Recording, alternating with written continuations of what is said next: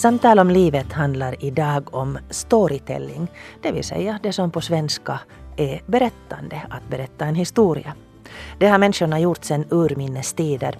Man har samlats kring eldar, man har firat skymning och de äldre har berättat berättelser ur livet eller myter, sagor, historier som på något sätt har förklarat vad det innebär att vara människa, vilka frågeställningar man möter och eventuellt hur man kanske löser dem.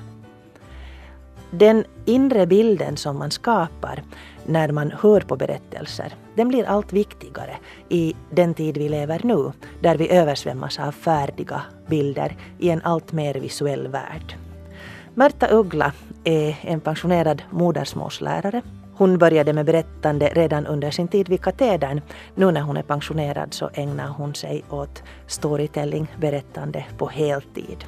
Hon representerar också föreningen ALBA, Allians för lekande berättande i Norden, här i Finland. Och det här med lekande berättande, det betyder bland annat att man besöker till exempel fängelser, sjukhus, åldringshem, daghem, barnhem för att berätta berättelser som kan nå människorna i deras känslor och hjälpa dem att skapa inre lekande bilder.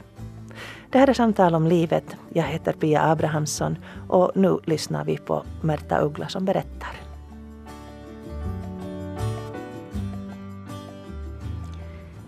Det var en gång en fattig vattenbärare som varje dag bar vatten åt sin herre som bodde uppe på ett högt berg.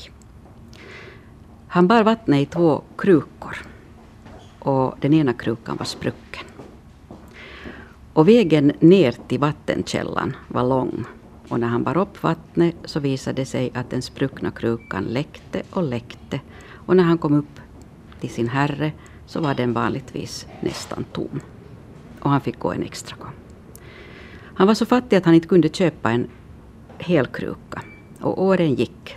Och när många år hade gått så började den skämmas alldeles fruktansvärt, den spruckna krukan. Och så sa den, kära herre kan du förlåta mig?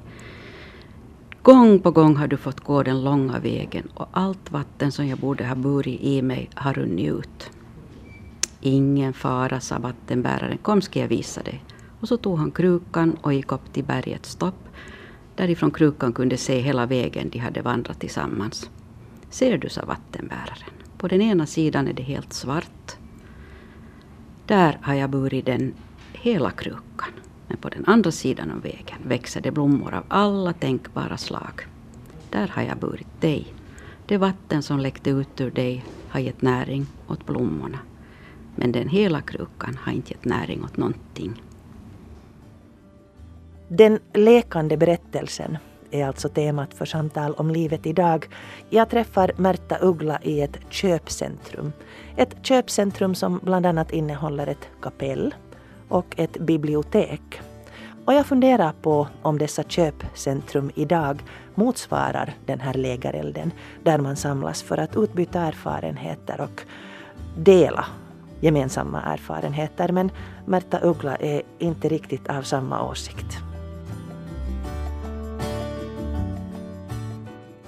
Nej, det är nog inte köpcentren för mig, men det är biblioteken. För de har alltid varit liksom ett slags trädgård där man samlas och så botaniserar man bland böckerna. Så för mig är biblioteket egentligen detsamma som berättande. Du är alltså en pensionerad lärare. Jo. Kan du så där kort berätta hur det kom sig att, att du är här nu? Du är pensionerad från Lärkan men före det så har du gjort en hel massa annat. Ja, egentligen så började mitt liv med att jag hade en pappa som berättade historier. Så jag växte upp med historier. Och när jag sen skulle välja mitt yrke så var det ganska självklart att jag började läsa litteratur och historia. Och det ledde mig så småningom in på modersmålslärarens yrke. Jag var inte så hemskt gammal när jag blev modersmålslärare. Jag tror att jag var 21. Och då fick jag börja i det gamla läroverket, alltså i det, det som hette Laguska skolan och fick följa med mina elever från det de var helt små ända tills de skrev studenten. Jag kommer ihåg att jag älskade det här för jag blev bekant med dem. Jag tyckte att jag kunde vägleda dem och jag tyckte att jag kunde nå dem och jag kunde välja böcker som de behövde som människor för att växa, för jag kände dem. Sen kom grundskolan och det blev en våldsam omställning i skolvärlden. Nu talar jag om mitten på 70-talet. Och det här ledde till att den skola där jag jobbade slogs samman med Brobergska samskolan, med Sillen, med Lönkan. Och jag placerades helt enkelt i Lönkans gymnasium. Och det här var också förstås intressant. Nu hade jag bara liksom de här äldre eleverna förstås. Men det var också helt intressant och, och, och jag trivdes med det. Men å andra sidan hade jag hunnit vid det här laget vara lärare i 13 år och jag hade ett behov av att göra någonting annat. Så vad var det då? Och då blev det ledigt en tjänst på rundradion som redaktör och producent för vuxenutbildningen. Och då sökte jag den tjänsten och fick den och så jobbade jag då sex år på YLE. Och det var också väldigt intressant. Det var en annan typ av undervisning där jag då så att säga gjorde program som gick ut för den stora allmänheten. Och feedbacken uteblev. Jag var van som lärare att, att, att, att det där, jag fick genast liksom reda på om det, det jag sa var vettigt och trevligt och ledde till någonting. Och här gick, märkte jag bara att jag sa saker och ting som försvann ut i etern. Samtidigt fick jag träffa otroligt spännande människor och prata med dem, så jag tyckte väldigt mycket om det jobbet. Men jag började längta tillbaka till skolvärlden. Och det som naturligtvis inverkade var att jag hade fått en son. Och jag märkte att mitt äktenskap höll på att ta slut och arbetstiderna på radion var mer eller mindre hopplösa. Så jag bestämde mig för att, att, att söka mig tillbaka till skolvärlden. Och då var alla tjänster i blockad i Helsingfors. Men Ekenäs gymnasium var ledigt så jag sökte det, det jobbet. Och flyttade alltså, för jag fick jobbet, flyttade alltså med min son till Ekenäs och jobbade alltså i en småstad, vilket igen var väldigt intressant. Är du själv uppvuxen här i Helsingfors? Jag är riktigt helsingforsare jag, så det var väldigt spännande att plötsligt bo i en småstad. Och samma veva så, så, så, tog jag kontakt med en grupp som byggde upp Mikaelskolan, alltså Steinerskolan i Ekenäs. Och bestämde mig för att uh, gå med i den gruppen. Och sen jobbade jag aktivt för skolan, var bland annat ordförande för Steinerpedagogikens vänner i Västnyland och, och sökte medel för att upprätthålla skolan och, och måla pulpeter. Gjorde allt, sålde på torget för att få pengar till skolan. Mm. Det var hemskt roligt och det var väldigt viktigt för att vad jag då sökte med det här arbetet var en skola som jag tyckte att mera beaktade den enskilda individen, som var mera konstnärlig, som som, som kunde se det här känsliga som finns i varje växande människa, som jag tyckte att ofta blev bortglömt i den vanliga skolan där jag jobbade. Och sen var jag då, min son växte upp på, i Ekenäs och gick genom hela Mikaelskolan. Och när han skulle börja gymnasiet så flyttade vi tillbaka till Helsingfors. Helt enkelt därför för att han ville inte ha mig som modersmålslärare och jag ville inte heller ha honom som elev. Och då började vi i olika skolor. Och då kom jag till Lärkan och de tio sista åren av mitt liv jobbade jag alltså som modersmålslärare i Lärkan. Mm. Du övervägde inte att själv börja jobba inom Steinerskolan? Då? Jo, jag övervägde det många gånger. Eh, men det där jag lämnade för jag tyckte att, att jag bar den här Steiner-impulsen inom mig och jag plockade åt mig så väldigt många bra Steiner-idéer men jag tyckte att de behövdes bättre i den vanliga skolan. För de, de fann, den fanns redan, den här kunskapen fanns redan i Steinerskolan. Så jag ville liksom föra in någonting annat i den vanliga skolan. Och det blev just berättande ganska mycket. Och samtal. Och ett försök att bygga en bro mellan, mellan litteratur och ett konstnärligt skapande. Jag besökte Steinerskolan här för några år sedan, första gången faktiskt i mitt liv och, och förstod då att de första åren går väldigt mycket ut på berättande. Ja. Eh, du talar om att, att barnet behöver vissa berättelser. Då du följde med de här barnen i Lagoska skolan så visste du vilka böcker de behövde. Ja. Kan du berätta lite mer om det? Ja, alltså det, eh, när man, en människa växer så möter hon ju svårigheter. Och hon möter såna utvecklingskriser och hon möter liksom problem som bör tacklas. Och det är så underbart att då kunna liksom få ett gensvar från litteraturen.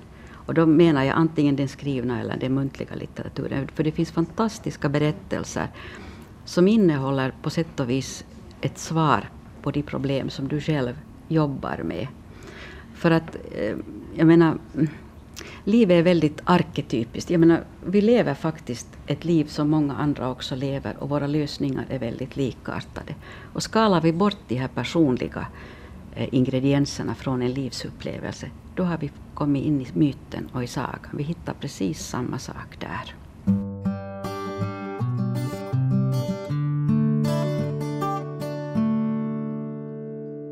Du talar om arketypiskt och att det liv vi lever och de svårigheter vi möter är någonting som är gemensamt för alla människor.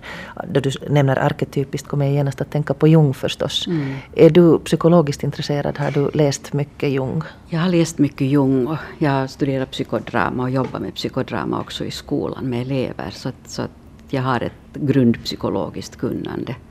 Och sen har jag under kanske hela mitt liv också varit en sökare. Jag har sökt liksom de röda trådarna i livet helt enkelt. Och det sökande förde mig för 30 år sedan till Findhorn i norra Skottland som är ett alternativt samhälle. De kallar sig själv University of Light för de har numera kurser i allt möjligt andligt sökande. Men de började ursprungligen som ett, ett, ett odlande samhälle. Ett litet samhälle där man odlade och tog, tog kontakt med naturens intelligens. Och där, var jag, där har jag varit många gånger och gått på olika kurser och jag tycker väldigt mycket om Findhorn.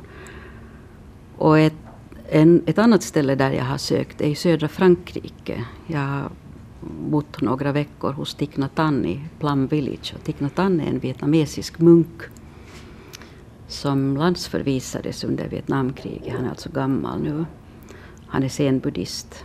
Och han har grundat alltså ett kloster i södra Frankrike ett, det finns både ett nunnekloster och ett munkkloster, där han lär ut mindfulness, konsten att leva i nuet, konsten att liksom stanna upp och se vad som är viktigt. Så där är några exempel på mitt sökande. Varför söker du? Jag menar det här är en idiotisk fråga för att säkert söker vi alla medvetet eller omedvetet men hos dig verkar det vara en uttalad jo. livsriktning. Om du försöker definiera vad, vad är sökandet? Nu är det frågan om att söka upp sig själv och sin plats i universum helt enkelt. Vem är jag? Att skala av alla, allt det som har pålagts en eh, av uppfostran, skolgång, samhällets värderingar och normer och se vem är jag innerst inne? Vad är det jag sist och slutligen står för? Vad är min plats i universum och vart är hela universum på väg så att säga? Vad är idén med att vara människa? Och det tror jag, jag tror att det kom väldigt starkt redan från min barndom för att jag växte alltså upp i en eh, teosofisk familj vilket betyder att jag växte upp med alla religioner. Det fanns ingen bestämd religion utan alla religioner presenterades för mig och jag såg att det fanns en stor kärna i dem allesammans och det var den kärnan som sen lockade mig att söka vidare. Det är inte någon kraft så att säga då utanför dig själv som du söker? Nej. Utan, utan kraften i dig? Det är kraften i mig jag söker. Det är kraften i mig. Och därigenom också kraften i alla medmänniskor. Och medan jag var lärare så såg jag ju den hos mina elever. Jag mötte så många verkligt fina människor som var mina elever, som var i mina ögon gamla själar, väldigt mycket kunskap, där jag inte hade egentligen så mycket att, att ge dem i kunskapsväg men jag kunde hjälpa dem att landa här och nu och hitta sig själva. Mm. Och det kunde jag göra genom berättelser och böcker. Mm. Myten och sagan blev för mig omdefinierade. Då jag träffade på en författare kan man säga, men han är ju forskare, Bruno Bettelheim, mm. som då hade um, varit på koncentrationsläger, han var jude och sen flyttade han till Amerika och sen började han forska i de här i sagorna. Och han hämtar fram då att sagan pratar till oss på det icke-rationella språket, alltså på upplevelsens språk, så att den kan berätta saker som vi inte kan förstå med hjärnan, mm. men som hjärtat frågar. Mm. Uttrycker jag mig ungefär Nej, åt precis, rätt håll? Exakt rätt håll, ja. Bruno Bettelheim läste jag också, han kom på 70-talet. Och vi använde eh, honom i skolan. Det var inte bara jag utan många andra modersmålslärare som blev väldigt tända på honom. Och det kom, I hans fotspår kom det andra sådana sagoforskare. Och, och vad de gjorde var att de ganska mycket i Freuds fotspår analysera de här mönstren i sagorna och visa liksom vad sagorna egentligen berättar om. Och det, de berättar alltså om hur det är att bli människa, hur det är att frigöra sig från föräldrarna, hur det är att förälska sig, gifta sig, få barn, möta problem, och så småningom tacka för livet och dö. Det är ju det de berättar om. Och han visar liksom på olika sådana här övergångar som en människa går igenom, puberteten till exempel. Och, och, och, och så. Och vi använde det i skolan riktigt så här rationellt på den tiden, kommer jag ihåg. Att vi gjorde grupparbeten och eleverna fick läsa Bettelheim och de fick, fick analysera sagor. Men till exempel den sagorörelse som jag nu är engagerad i, eller berättelserörelse, så den har lämnat den här analyssidan och söker sig mera mot den här upplevelsesidan med en tilltro till att varje människa egentligen kan plocka ut ur en berättelse och en saga det som den behöver för stunden. För går man in med allt för mycket färdiga analyser så då går den här personliga upplevelsen omkull. Och det kan hända att det är någon liten, liten detalj i den berättelse du får höra som plötsligt säger klick i ditt hjärta. Och det lilla klicket öppnar en dörr sen till en förståelse. Jag kommer ihåg av de här analyserna just då hur, om vi tar den kanske mest klassiska eller banala exemplet med, med Snövit mm. och styvmodern, hur man då på något sätt via den sagan kan bearbeta problematiken med att mamma inte alltid är snäll om Precis. jag har förstått det rätt. Absolut. Att det lilla barnet förväntar sig att mamma är idel bröst och mjölk och famn. Mm. Och sen har mamma emellanåt bråttom, mamma är stressad och upplevs då som elak. Och då tar man och splittar, delar upp mamman i två mammor och det är då den goda modern och den elaka styvmodern. Och jag tycker ju att de här analyserna är oerhört fascinerande, oerhört fascinerande. för intellektet. Ja. Men du säger då att det räcker inte med bara intellektet? Nej, det räcker inte med intellektet. Och, och alltså det, det, jag håller med dig, det är oerhört fascinerande för intellektet. Jag tycker också om den här, de här analyserna. Men jag tror att det som människor behöver idag, eftersom vi lever i ett otroligt analytiskt, rationellt, teknokratiskt samhälle. Det vad vi behöver idag är liksom historien som en helhet. Och så har vi den där inre kraften att plocka åt oss det som vi behöver. Och vi kan naturligtvis bearbeta de här historierna som vi hör, men kanske mera konstnärligt. Eh, vi kan måla, vi kan dramatisera, vi kan associera. Men jag tror att vi är väldigt fast i intellektet i vår tid just nu, så jag tror att det inte alls är dumt att ta ett litet avstånd till det. Eh, sen tycker jag att specialisterna kan jobba med, med, med analysen. Och det är, jag vet att det är många psykologer som jobbar med de här sagorna direkt utifrån ett psykologiskt kunnande. Men så här jag som mera lekman jobbar med det mera konstnärligt.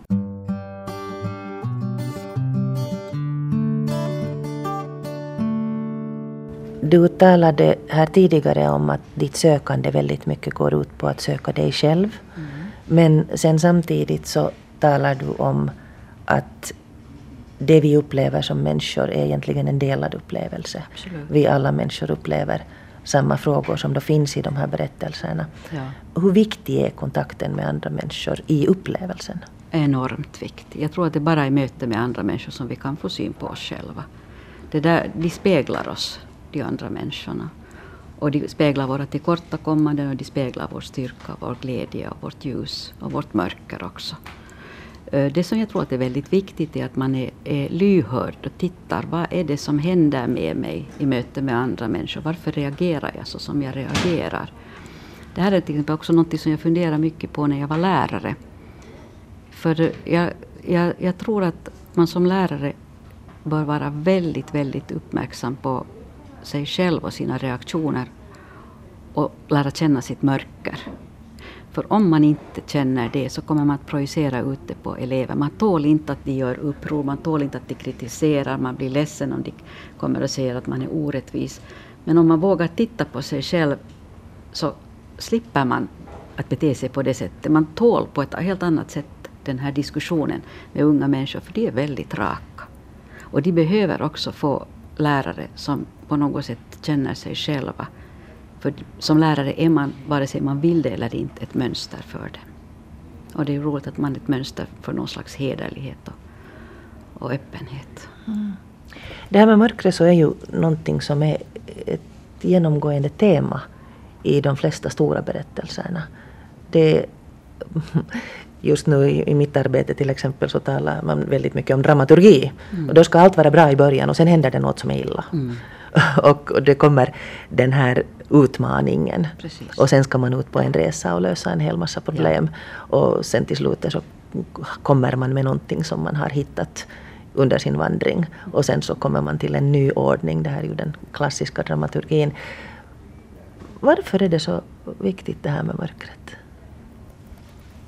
Hmm. Alltså det, det, finns ju där. Och ljuset är väl inte ljus om inte finns mörker också. Och ingen berättelse heller kommer till om inte liksom någonting hotar, någonting stör den här ordningen som finns alltid i början av berättelsen. Prinsessan blir sjuk eller, eller, eller någon, någon, någon skatt ska mm, hittas eller något sådant. Alltså det, det, det, måste alltid finnas en utmaning i berättelsen, någonting som framkallar den här faran och det här mörkret. Och det är det som gör att de här krafterna i hjälten växer. Och han klarar sig, ofta får han en utomstående hjälpare i de här sagorna och berättelserna. Och så klarar han sig genom nålsöga. Och när han sen har kommit igenom så är det fråga om en nyordning. Det är inte samma hjälte mera. Han har blivit visare, han har blivit klokare, han har integrerat en del av sitt eget mörker i sig. Och så fortsätter resan tills nästa utmaning kommer. Men det handlar ju inte, mitt berättande handlar ju inte bara om sagor, långt ifrån. Alltså, de här sagorna är bra utlösare av samtal. Man berättar en saga och under täckmantel av sagan så kan man prata om ganska personliga saker. Och sen är det det roliga med sagor att de är, rör sig på ett symbolplan. Så att eh, om man har problem till exempel i vardagslivet så kanske man inte kan hitta någon lösning om man tänker i vardagstermer. Men om man lyfter upp sig till sagans lite vansinniga nivå där allt är möjligt så kan man plötsligt få syn på sitt vardagsproblem och hitta en lösning på det. Så där är kanske sagans funktion. Och sen väcker den ju fantasikrafterna. Det är underbart med fantasi och vi behöver så fruktansvärt mycket fantasi idag för det är med fantasin vi skapar framtiden. Vi bygger upp en modell för framtiden som sen småningom förverkligas. Men eh, väldigt viktigt är ju också det här livsberättande som egentligen inte är fantasi utan som är verklighet. Och där handlar det om att få syn på sitt eget liv. Få se de trådar som går genom ens eget liv. Och där kommer vi ju in på den här, i mina ögon, väldigt fina tanken att, att hela livet är faktiskt en berättelse. Och vare sig vi vet, vi vet om det eller inte så berättar vi den för oss själva på insidan hela tiden. För att eh, livet består ju av en massa splittrade små händelser, människomöten, eh, sinnesintryck, allt möjligt kommer. Och vi sorterar det i vårt medvetande och bygger en kontinuerlig berättelse om vem vi är och vart vi är på väg. Och den berättelsen kan vi förändra. När vi börjar få syn på den så märker vi kanske att oj, jag är alltid offer, jag är alltid utsatt. Eller jag är alltid den där räddaren som ordnar allt sammans och, och, och, och, är väldigt duktig och tuff. Eller jag är en medlare som alltid går många vägar på en gång. Och när vi får syn på oss själva i berättelsen då kan vi ta tag i oss och konstatera att jag skulle kunna lite byta min berättelse. Annars är vi fångna i den och lever den berättelse vi en gång har börjat berätta. Det finns ju många tankar kring det här. Jag kommer ihåg att då när barnen skulle döpas så då talades det om att då man benämner så skapar man på ett sätt en berättelse. Absolut. Man ger en uppgift Absolut. åt barnet via berättelsen. Du tycker att det är så? Absolut. Jag tycker att det, det börjar egentligen med namnet och sen fortsätter det med alla de uppmaningar och beröm och klander man får när man är barn och så småningom får man form och vet att det här är jag när jag är bra och det här är jag när jag är dålig. Och så börjar berättelsen som man sen fortsätter att berätta. Och det som jag tycker är så härligt nu när jag är gammal är att jag, kan, jag har ett långt liv att se tillbaka på. Jag har perspektiv de gamla berättarna, om jag tänker gå tillbaka till din lägereld, de bästa berättarna var gamlingarna. För de kunde se liksom de här sammanhangen och kunde berätta. Och så kunde de unga ta efter. Mm. Jag reagerade också eh, just nu i, i medelåldern. Ja. Så insåg jag plötsligt att, att jag börjar ha en aning om vem jag är. Mm. Inte via att jag går till en spegel eller att jag gräver mig i naveln. Utan helt enkelt det att jag börjar titta bakåt och ser att jag tycks göra sådana här val. Ja. Jag tycks, när jag tittar bakåt så vid det vägskälet har jag valt åt det hållet och i följande vägskäl, vägskäl har jag valt åt samma håll och sen följande vägskäl har jag valt åt samma håll och så småningom har jag kommit in så långt på en väg att det är väldigt svårt att börja gå tillbaka. Det är spännande det här som du säger med perspektiv. Nu hoppar jag mm. lite tillbaka till det. För att det här att värdesätta de gamlas vetande mm. är ju inte precis det som är mest hot idag. Tyvärr. Tyvärr har det gått åt det hållet. Men, men skulle man få den här storytellingrörelsen att sprida sig så kanske det ändrar på sig. Och det här är alltså det är frågan om en jättevärldsrörelse som jag bara har lite engagerat mig i nu på gamla dagar. Den fyller hela Europa, den fyller hela, hela England, den fyller hela USA och den kommer nu med våldsam kraft till Norden. Och jag var på Bokmässan i Göteborg och där hörde jag om det så kallade berättarministeriet i Sverige. Och de som presenterade det här berättarministeriet, så de sa att, att, att till exempel att de, de söker de nya historierna från, för Sverige. Eh, alltså dagens samhälle är så mångkulturellt förändringarna har varit så snabba så de gamla historierna gäller inte. Nu talar jag alltså om livshistoria. De gamla historierna gäller inte utan det behövs nya historier. Och det viktigaste som vi människor kan göra idag är att få människor, generationerna att mötas igen, sätta sig ner, berätta. Så att de, de möts och människor blir sedda och hörda. För när det händer så får de ett jag. Jag är den här personen. Och människor som har ett jag, så de går inte heller att lura med vilka extremrörelser som helst. De vet någonstans var de är. Så, och, och jag kom hem från bokmässan och var helt upphetsad och sa att det här har jag nu upplevt. Och då fick jag höra från flera håll att, att men det är inte bara i Sverige som man håller på med det. Det pågår i Skottland, det pågår i England, det pågår i Frankrike, det pågår i Tyskland. Man söker eh, de nya historierna, man försöker få generationerna samman. Och framförallt just det här muntliga berättandet. Mm. För att vi berättar på nätet, vi berättar liksom i skrift. Men när människor möts så uppstår en energi som inte syns och känns på samma sätt när det är skrift.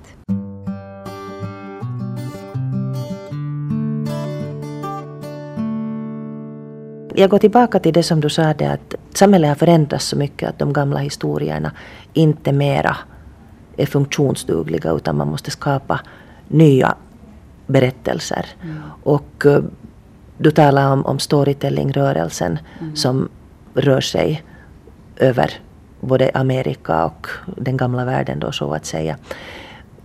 Jag till exempel föll här för ett par år sedan offer för fantasy. Mm. Och jag läste en okontrollerad ström, en hel massa fantasyböcker. Mm. Och jag upplevde ju, du talade tidigare här om att, att då man söker så, och då man söker svar på livsfrågor så kan det vara lättare att gå till sagans vansinniga värld. Mm. Därför för att där så kan man få tag på sånt som man inte får tag på med hjärnan. Men tror du att dagens människa har det här behovet av sagor, myter, berättelser på ett annat sätt än det som syns i filmerna och i en del böcker också den här väldigt mycket action. Alltså det här mörka, ljusa slaget mellan gott och ont. Men finns det någon annan berättelse som vi också behöver? Ja, jag tror att alla människor har behov av mjukare berättelser, stillsammare berättelser. Jag tror att det är en trend det här med action. Det går så lätt till exempel att förstöra unga människor. Visa tillräckligt mycket actionfilmer och de kräver att det ska vara action hela tiden. Jag, jag kan till exempel berätta en sån sak. Jag har ju då varit gymnasielärare väldigt mycket och där, där är det stora sådana här puberterande pojkar och flickor i 16-17 års åldern.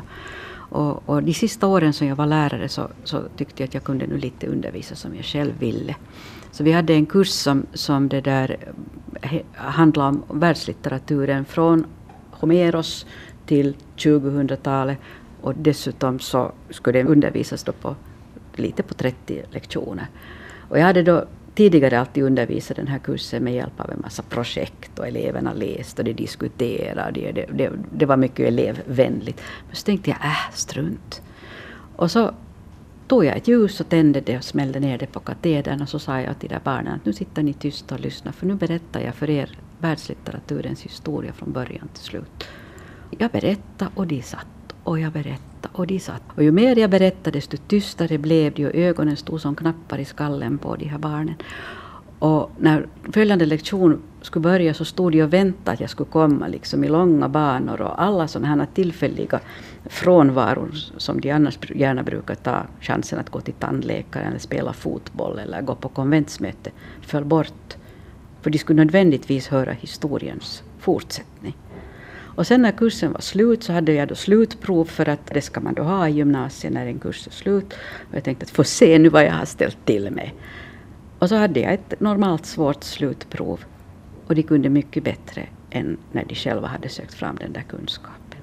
De hade vila i berättelsen. Och då var det ändå inte en fruktansvärt stor actionhistoria utan det var historien om vår litteratur, hur den har utvecklat sig. Jag tror att om det finns någon som berättar och faktiskt bryr sig om lyssnarna och faktiskt vill berätta så tror jag att det uppstår liksom en, en, en, en stämning i rummet som gör att man lyssnar. Och då behöver man inte den där fantastiska händelsen, överdriften och de där våldsamma ljudeffekterna. Och jag tror att det är det som människor börjar ana nu när den här storytellingrörelsen har kommit. Och man kallar det storytelling, det var ju så fånigt att prata om storytelling, det är ju berättande. Men det är egentligen så att det där berättandet råkade i, i, i vanrykte under 1900-talet. Det var liksom inte tillräckligt fint. Det var så där flyktigt och det var sånt som man sysslade med med små barn. Så att när den här nya berättarrörelsen kom till så sökte man ett nytt ord och då blev det det här engelska storytelling. För den kommer från den engelsktalande världen. Det, där kom starten. Jag får ett minne framför mig när du berättar här.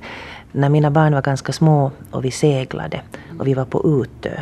Mm. Och uh, de här gamla lotsarna som hade upplevt Park Victorys förlisning mm. satt på kvällen och berättade om det. Mm. Och då hade vi faktiskt jag minns inte, satt vi vid grillen eller hade vi brasa, men vi hade åtminstone en sprakande eld och jag kommer ihåg att en unge låg i min famn och kämpade mot sömnen. För berättelsen var så fascinerande så att man ville inte somna ifrån den. Och, och den fångar ju lika mycket de som berättade, de som var ganska gamla då, oss som var unga föräldrar och våra små barn. Och du talar mycket om det här muntliga. Är det, mm. är det närvaron eller vad är det jo. som gör det så viktigt? Jo. Jag tror att vi har blivit för ensamma ungdom, växande ungdomar har inte så mycket kontakt med sina föräldrar. Där finns TV emellan, där finns dator emellan, där finns ett hektiskt liv emellan. Och jag tror att vi behöver varandra. Vi behöver mötas och vi behöver höra varandras historier och vi behöver känslomässigt bli berörda av varandra. Och det här märkte jag ju som lärare, för att många gånger hade jag faktiskt en känsla av att det inte var så viktigt exakt vad jag undervisade och vilka fantastiska pedagogiska metoder jag grep till. Utan det som var viktigt var att jag var där. En vuxen människa som de småningom fick förtroende för, för att de hade skrivit för mig och de hade fått kommentarer. Och så kunde de komma och rycka i mig när jag städade i biblioteket och säga att Märta, får jag prata med dig?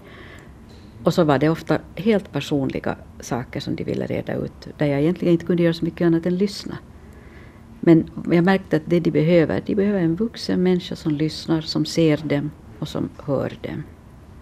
Och jag tror att det behöver vi alla i dagens värld. Vi vill, vill bli sedda, vi vill bli hörda och vi vill bli tagna som individer. Och då behöver vi en annan människas mötande blickar. Nå, nu knarrar jag lite sådär som, um, nu minns jag inte vad han hette i Narnia, men det var surpöl. Surpöl. Som barnen sa i bastun att nu låter du precis som surpöl. När jag hade läst surpöl åt dem så knarrar jag över det här att allting kommersialiseras. För att igår då jag googlade på storytelling så det som jag hittade nedslag efter nedslag efter nedslag på var företag som skapar sin inre miljö, försöker få arbetstagare att trivas och framför allt försöker skapa sin marknadsnisch med hjälp av berättelsen, för ser du berättelsen berör människor. Hur reagerar du på det här? Jag tycker det är vidrigt, men det är tyvärr helt sant. Berättelser har också använts alltid i diktaturstater för att få folk att lyda. Så berättelsen är ett fruktansvärt farligt vapen. Och jag har också mött berättare idag som har en enda tanke och det är att själv bli sedda, själv, själv få applåder, själv bli den som så att säga är i centrum för berättelsen. Och det tycker jag är direkt obehagligt. Så jag har nu engagerat mig i den här typen av berättande som kallas för lekande berättande. Där man berättar från hjärta och där publiken är den viktiga. Mottagarna av berättelsen är viktig. Och det är inte du som står där som ska krångla till det med en massa liksom skrik och rop och, och skådespelarkonster.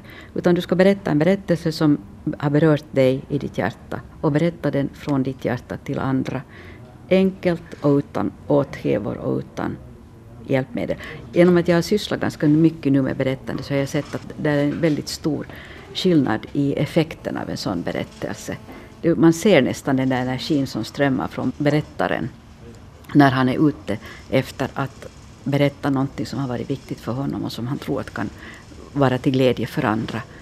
Och det är nästan obehagligt att se de här scenberättarna som bara står för att få applåder och som egentligen aldrig går bort utan bara står kvar. Och jag känner till det här berättande företag. Nu vill jag också nyansera den bilden för att det finns företag som använder sig av berättelser för att skapa image, typ IKEA.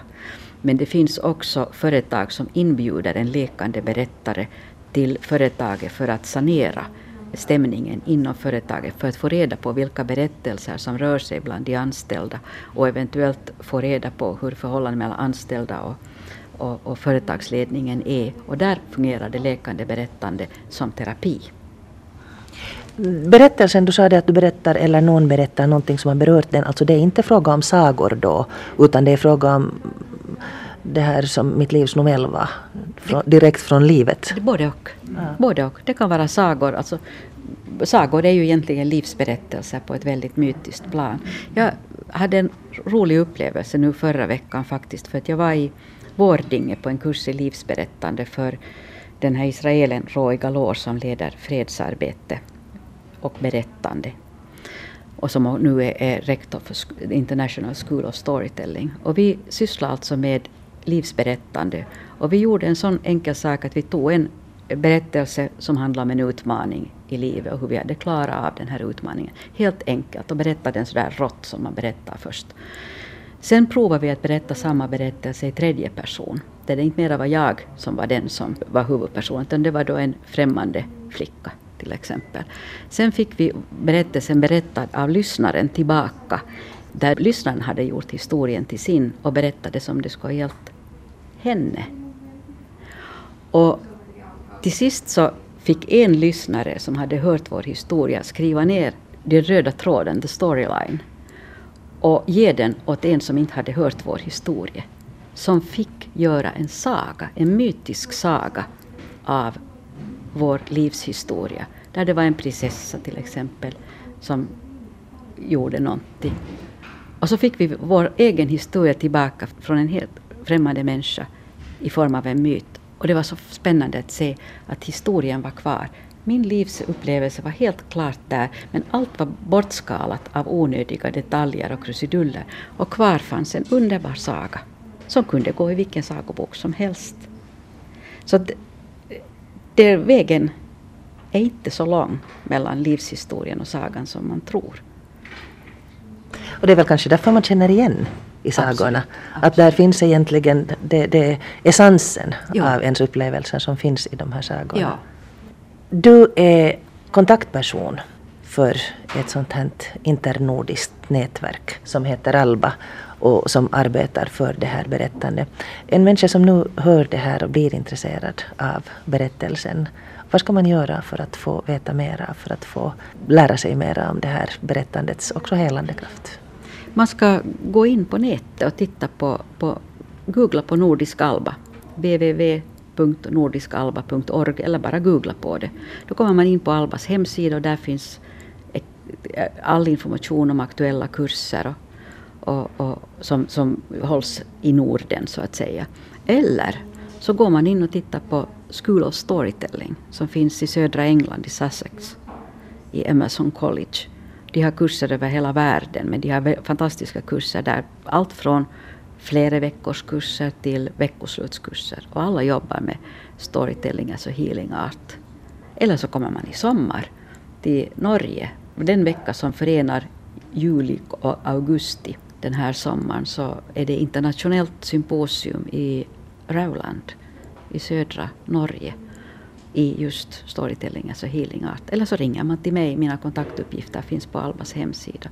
Så skickar jag den info jag har det säger alltså Märta Uggla som vi idag har samtalat om livet med. Det skulle finnas mycket, mycket mer att berätta om berättelser.